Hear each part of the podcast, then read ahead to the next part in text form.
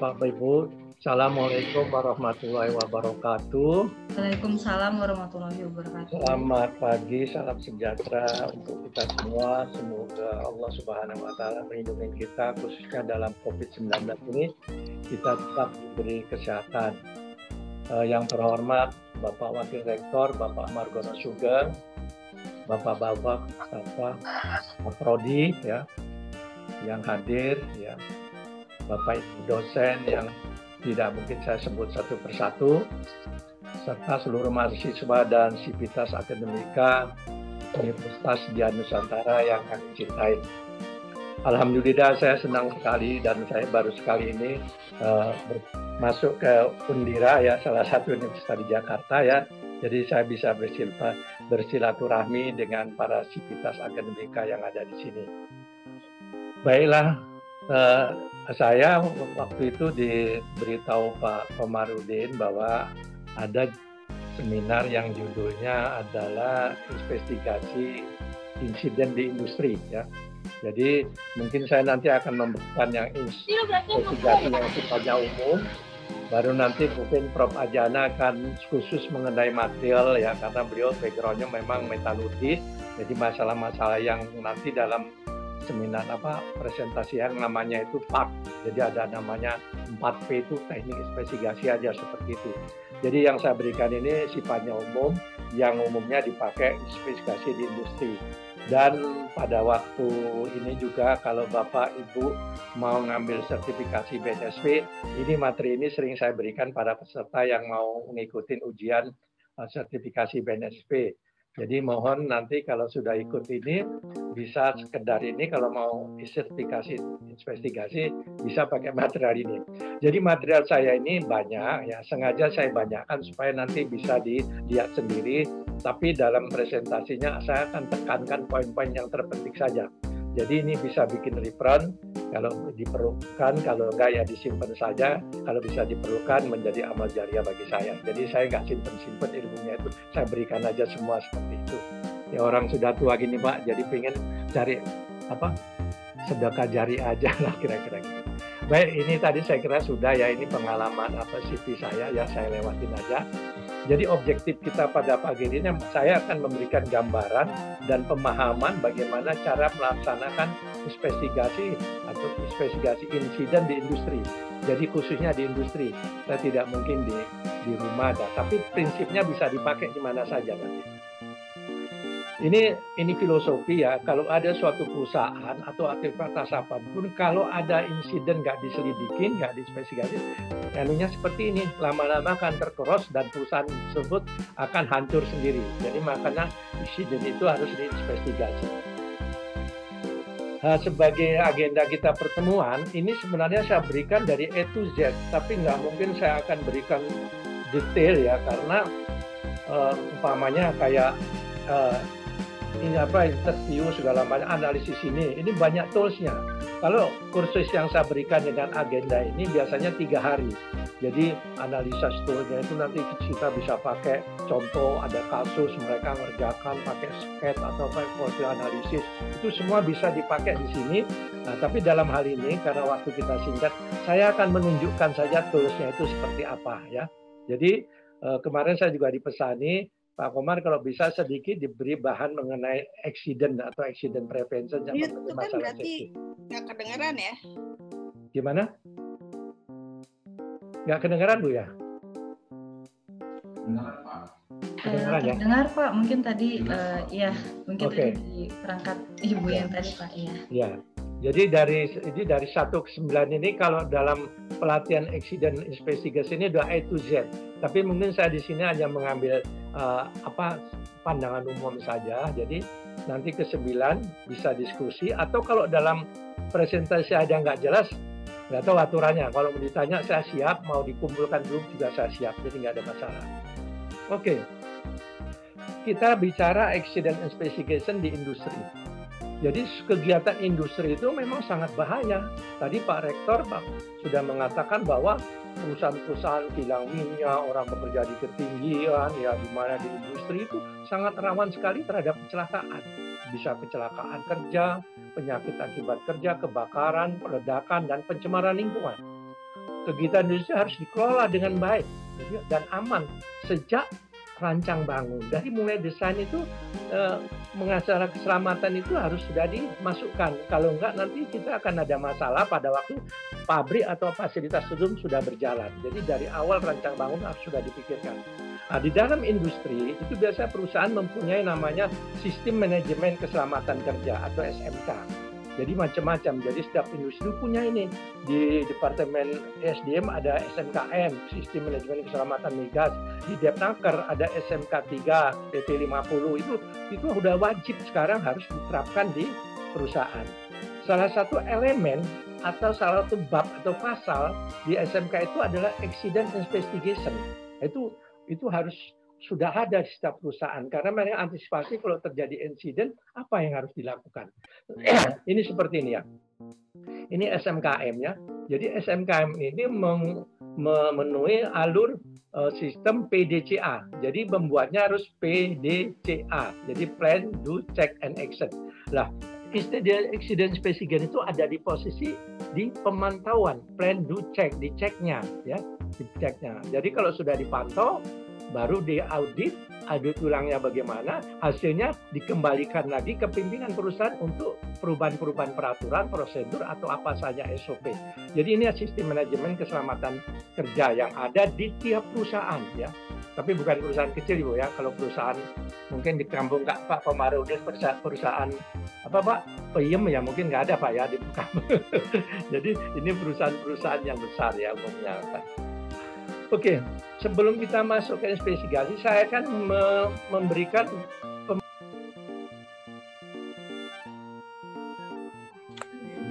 uh, maaf Pak, uh, ini sepertinya Bapak termute Pak.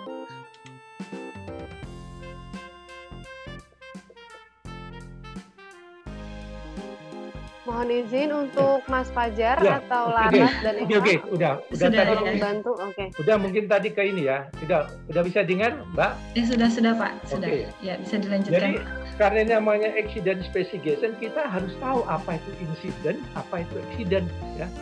Kalau insiden itu suatu kejadian yang belum mengakibatkan suatu kerugian. Bisa orang celaka, bisa kebakaran, atau bisa property damage, itu belum terjadi ya. Tapi kalau dia accident itu sudah terjadi suatu kejadian yang tidak diinginkan yang mengakibatkan ya fisik atau perusahaan harta benda. Artinya apa? Artinya setiap accident itu adalah insiden. Tapi setiap insiden belum tentu accident karena tidak ada yang korban. Jadi kalau umpama kita bawa mobil atau motor selip sedikit belum ada korban itu masih insiden. Tapi kalau selip terjatuh Nah, itu luka, nah, itu baru namanya accident. Ini bedanya seperti itu aja. Ada juga namanya near miss, ya. Near miss ini hampir saja, hampir saja atau hampir celaka, nyaris celaka.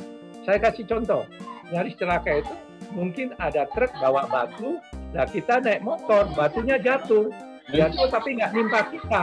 Nah, itu namanya kita near miss. Bagi yang membawa batu itu sudah accident. Bagi yang yang naik motor itu nanya near miss. Ya, jadi bedanya itu. Nah, accident biasanya itu adanya kontak dengan sumber energi. Kita lihat. Saya. Nah ini tadi contoh ya sudah ya, saya lewatin aja ya konsep energi itu seperti ini, eh, bapak-bapak, ibu dan adik-adik mahasiswa. Jadi ini ada energi, energi itu bisa dari panas, dari listrik, mekanis, fisik, kimia, dan radiasi. Kalau ininya rusak, maka energinya akan lepas. Dan kalau ada orang di sini, ya, dia akan mengenai orang. Jadi jika pembatasnya rusak atau hilang, akan mencapai kepada penerimanya. Gimana? Mau lagi hijau. Gimana, Pak? Suara saya masih ada ya? Iya. Kalau lepas di mute aja semuanya peserta.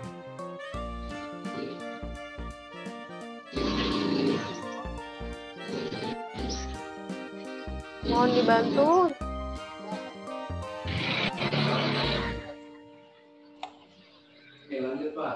Bisa dilanjutkan kembali, Pak. Silakan. Iya, mute lagi ya. Oke. Okay. tadi sampai mana energi loh ya? Iya Pak, sampai okay. di energi Pak. Oke, jadi ini energi ini adalah tadi panas ya, listrik, mekanis, fisik, kimia dan radiasi. Kalau energi ini lepas, aduna, apa yang penghalangnya, pembungkusnya, maka dia akan lepas seperti ini. Uh, nah, gini mengenai orang, ya, mengenai orang. Ini kalau orangnya ini energinya melebihi nilai ambang batasnya atau TLP, ini akan mengakibatkan kejera. Umpamanya ini suara, dia pecah. Nah, suara itu mengenai orang ini. Artinya orang manusia kan nilai ambang batasnya itu untuk 8 jam cuma 85 desibel A. Ya, yang jurusan listrik mungkin apa itu 80 desibel A. Nah, kalau dia sampai 100, ini orang akan celaka, pendengarannya akan rusak. Nah, itulah kira-kira ini. Jadi kalau energinya melebihi nilai ambang batas akan terjadi suatu insiden kepada orang yang menerimanya. Nah, teknik pendekatannya bagaimana? Katakanlah pompa, ya ini pompa ini suaranya bising ya. Jadi bagaimana caranya? Jadi kita mulainya itu dari desainnya dulu Pak. Jadi pompanya itu kalau bisa yang noise-nya sekian, makanya bearingnya harus yang bagus. Karena biasanya suara itu timbul karena dia vibrasi. Jadi didesain supaya suaranya tidak meri 85 desibel. Kalau ini tidak bisa ya, kalau ini tidak bisa, baru dibuat penghalang. Umpamanya Bapak Ibu ada mesin genset di rumah itu kalau mati lampu, lampu mati listrik, itu kan gensetnya harus nyala. Nah, kalau gensetnya nyala itu di ruangan terbuka bisa mengganggu tenang tetangga, makanya ditaruh di bawah tanah atau di papo apa dikasih barrier ya, jadi suaranya nggak kuat. Nah kalau ini juga nggak bisa ya dengan dengan sumber dan target tadi ini, maka kita harus memakai penghalang untuk manusianya, APD, alat pelindung diri. Jadi di dalam desain ini jangan ujuk-ujuk langsung APD mau gampangnya. Lihat dulu desainnya, persyaratannya dulu. Kalau ini nggak bisa dilakukan, maka dilakukan penghalang. Kalau penghalang nggak bisa, dilakukan administrasi. Program kerjanya mungkin nggak usah 8 jam, cukup 2, 5 jam, 3 jam, gantian shiftnya gitu. Kalau ini juga nggak bisa, maka APD. Jadi APD itu adalah pilihan terakhir, bukan pilihan pertama. Tetapi dalam industri sering salah kaprah, sedikit-sedikit, wah pakai APD, pakai PAD, APD. Jadi APD itu maksudnya alat pelindung diri ya. Sekarang kan pakai masker, pakai masker gitu ya. Nah itu masker itu alat pelindung diri. Padahal poin yang pertama ya mungkin jaga jaraknya, tidak harus tempat berkumpul. Itu penghalang-penghalang seperti itu. Kalau ini juga harus dilakukan, kita harus keluar. Ya APD, pakai masker ya. Sekarang kan COVID-19 seperti itu. Itulah prinsip pencegahan kecelakaan suatu sumber dari bahaya. Oke, kalau kita ingin mengetahui uh, apa namanya uh, accident investigation, kita harus tahu yang namanya loss causation model yaitu accident prevention. Apa sih sebenarnya loss causation model itu? Apa yang menjadi penyebab? Apa yang menjadi ya akibatnya apa? Manusia itu setiap hari akan berinteraksi seperti interaksi seperti ini. Ada pau pau apa? Eh, sorry, ada ada personel, ada equipment, ada material, ada environment. Ini akan interaksi. Karena interaksi inilah menjadi tugas untuk mencapai suatu produksi. Tapi kalau ini salah kaprah ya, nanti bisa kecelakaan. Bukan produksinya didapat, jadi produksinya turun. Ini sistem interaksi. Nah, di dalam loss causation model itu ada namanya teori domino. Ya, teori domino itu adalah teori di mana kecelakaan itu terjadi karena ada unsafe X dan unsafe condition, artinya immediate cause. Ya, ini insiden. Kalau terjadi insiden, tentunya ada kerugian. Insiden itu terjadi karena adanya unsafe X dan unsafe condition. Unsafe condition terjadi itu karena ada basic cause, ada penyebab utama. Penyebab utama itu terjadi karena sistem manajemen yang nggak beres. Ya, jadi ini manajemen sebenarnya keranannya. Nah, nanti bagaimana celidiknya akan kita lihat berikutnya. Nah, ini tadi ya dari yang kita awalkan tadi. Nah, seperti ini ya. Nah, seperti ini. Jadi ada rosis karena ada apa? Karena ada insiden. Ada insiden karena apa? Karena ada unsafe ex unsafe condition yang disebut immediate cause. Terus ada unsafe ex condition karena apa? Ada personal factor, job factor. Nanti apa itu personal factor akan kita jelaskan. Loh, karena ini ada ini karena apa? Karena sistem manajemennya nggak beres. Jadi sebenarnya kecelakaan itu karena ada ketimpangan di sistem manajemen. Kita selama ini nggak melihat sampai sana. Jadi kalau mau tuntas ya nanti kita lihat bentar. Nah ini Eksiden, kerugian itu apa? Tadi ada PB ya, bisa manusia, bisa peralatan, bisa material, bisa lingkungan, lingkungan rusak, material rusak. Nanti Pak Ajana akan bicara di material. Ada peralatan, nggak bisa dipakai, manusianya celaka. Ya. Terus kemudian yang insiden, insiden itu ya bisa menabrak, terpukul, terjatuh, ya, eh, tertusuk, terjepit, terpotong, ya, bayar listrik, kimia, radiasi terlalu berat. Nah, ini semua adalah insiden ya dan banyak lagi penyebabnya. Kemudian insiden itu kan terjadi karena apa? Karena ada perbuatan tidak aman, operasi tanpa otorisasi.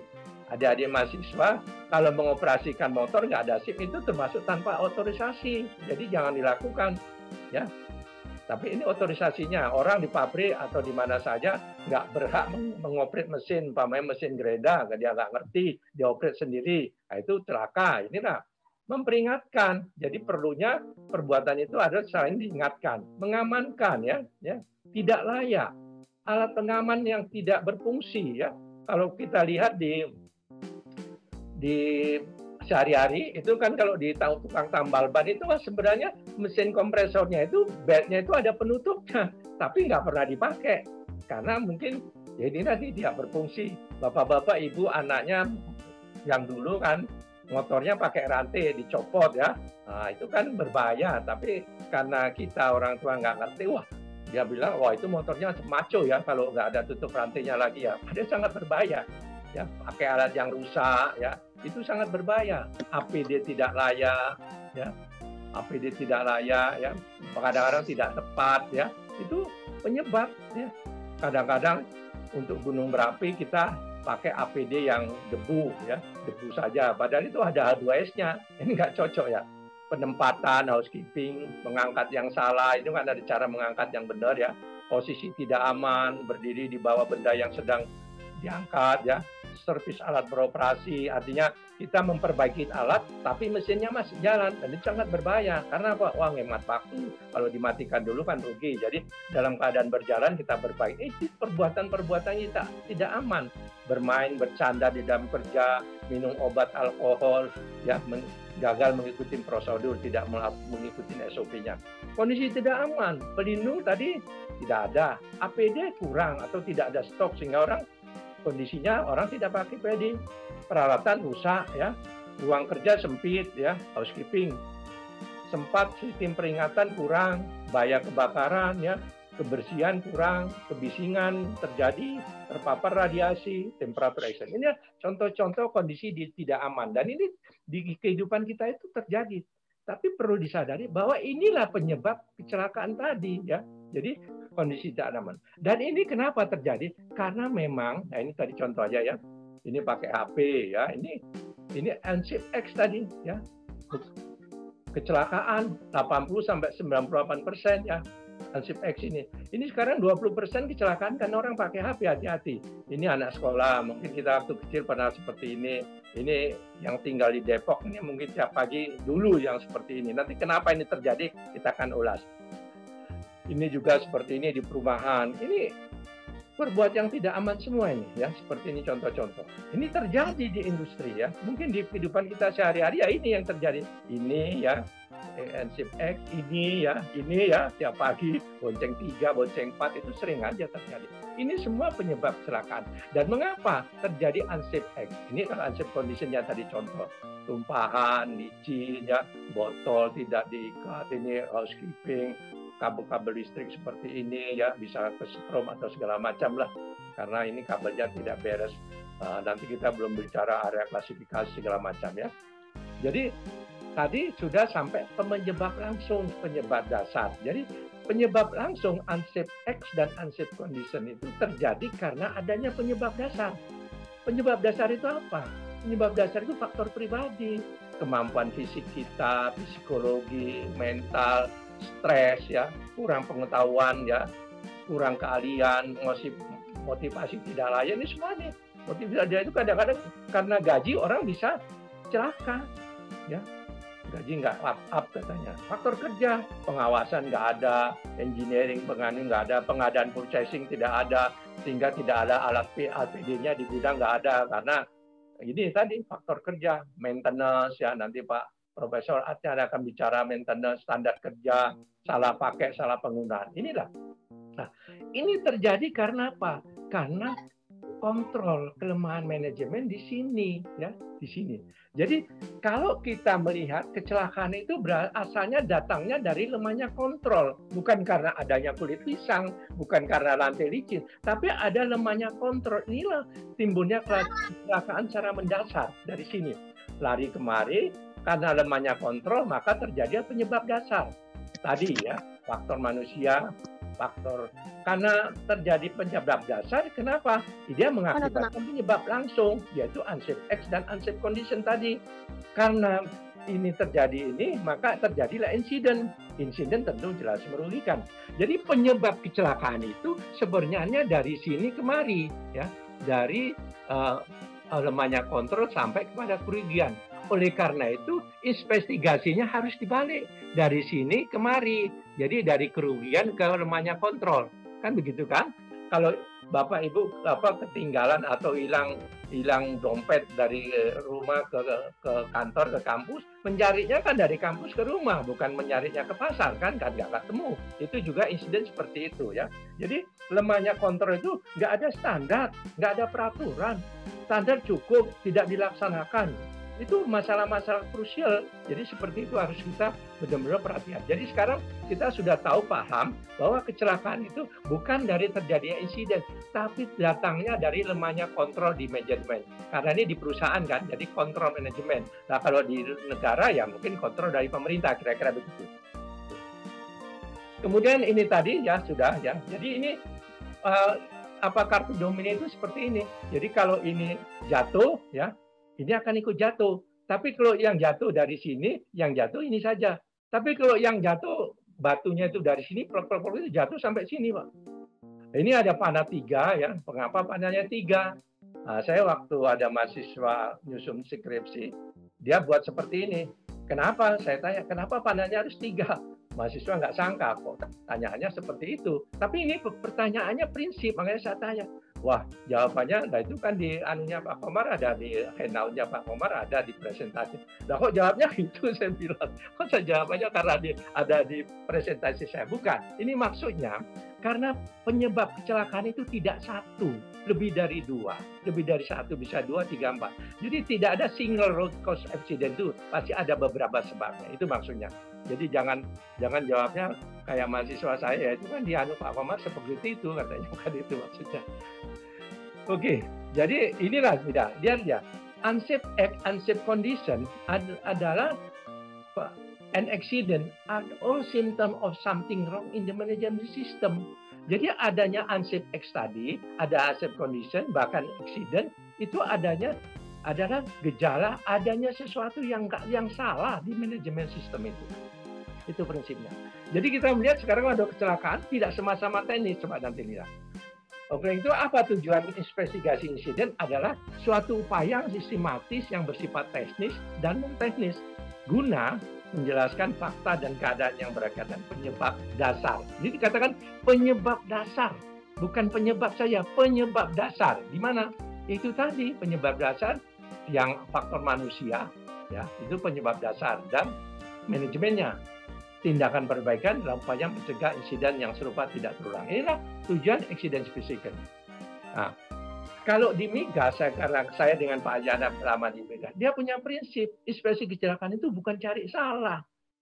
Kalau yang cari salah itu polisi, penyidikan. Makanya orang dibentak-bentak, dipaksa-paksa. Kalau ini tidak, tidak menyatakan salah, tidak memberikan sanksi ya prinsipnya. Walaupun nanti akhirnya ada yang terkena, tapi tujuan kita itu fokusnya adalah mencari penyebab, bukan menyalahkan orang. Ya, itu maksudnya. Nah, prinsip penyidikan insiden itu adalah memperbaiki sistem, ya. Oh, teknis apa nggak perlu, Pak? Perlu, tapi kalau sistem udah diperbaikin, teknis akan mengikut. Coba ini kita lihat. Ada nggak yang dari Depok, Pak? Tiap pagi dulu, Pak dari 23 seperti ini, 2012 seperti ini, 2003 seperti ini. Ini kenapa? Oke, perbaikin sama direktur baru. Yang diperbaikin teknis, dipasang paku, orang pakai triplek, naik lagi ke atas, dikasih cat, ya udah pakai kertas, dipakai ini. Ini kan semua perbaikannya teknis ya. Oh, teknis penting nggak? Ya penting, tapi tidak mendasar perbaikannya itu loh. Jadi bagaimana? Kalau ini baru, karena apa?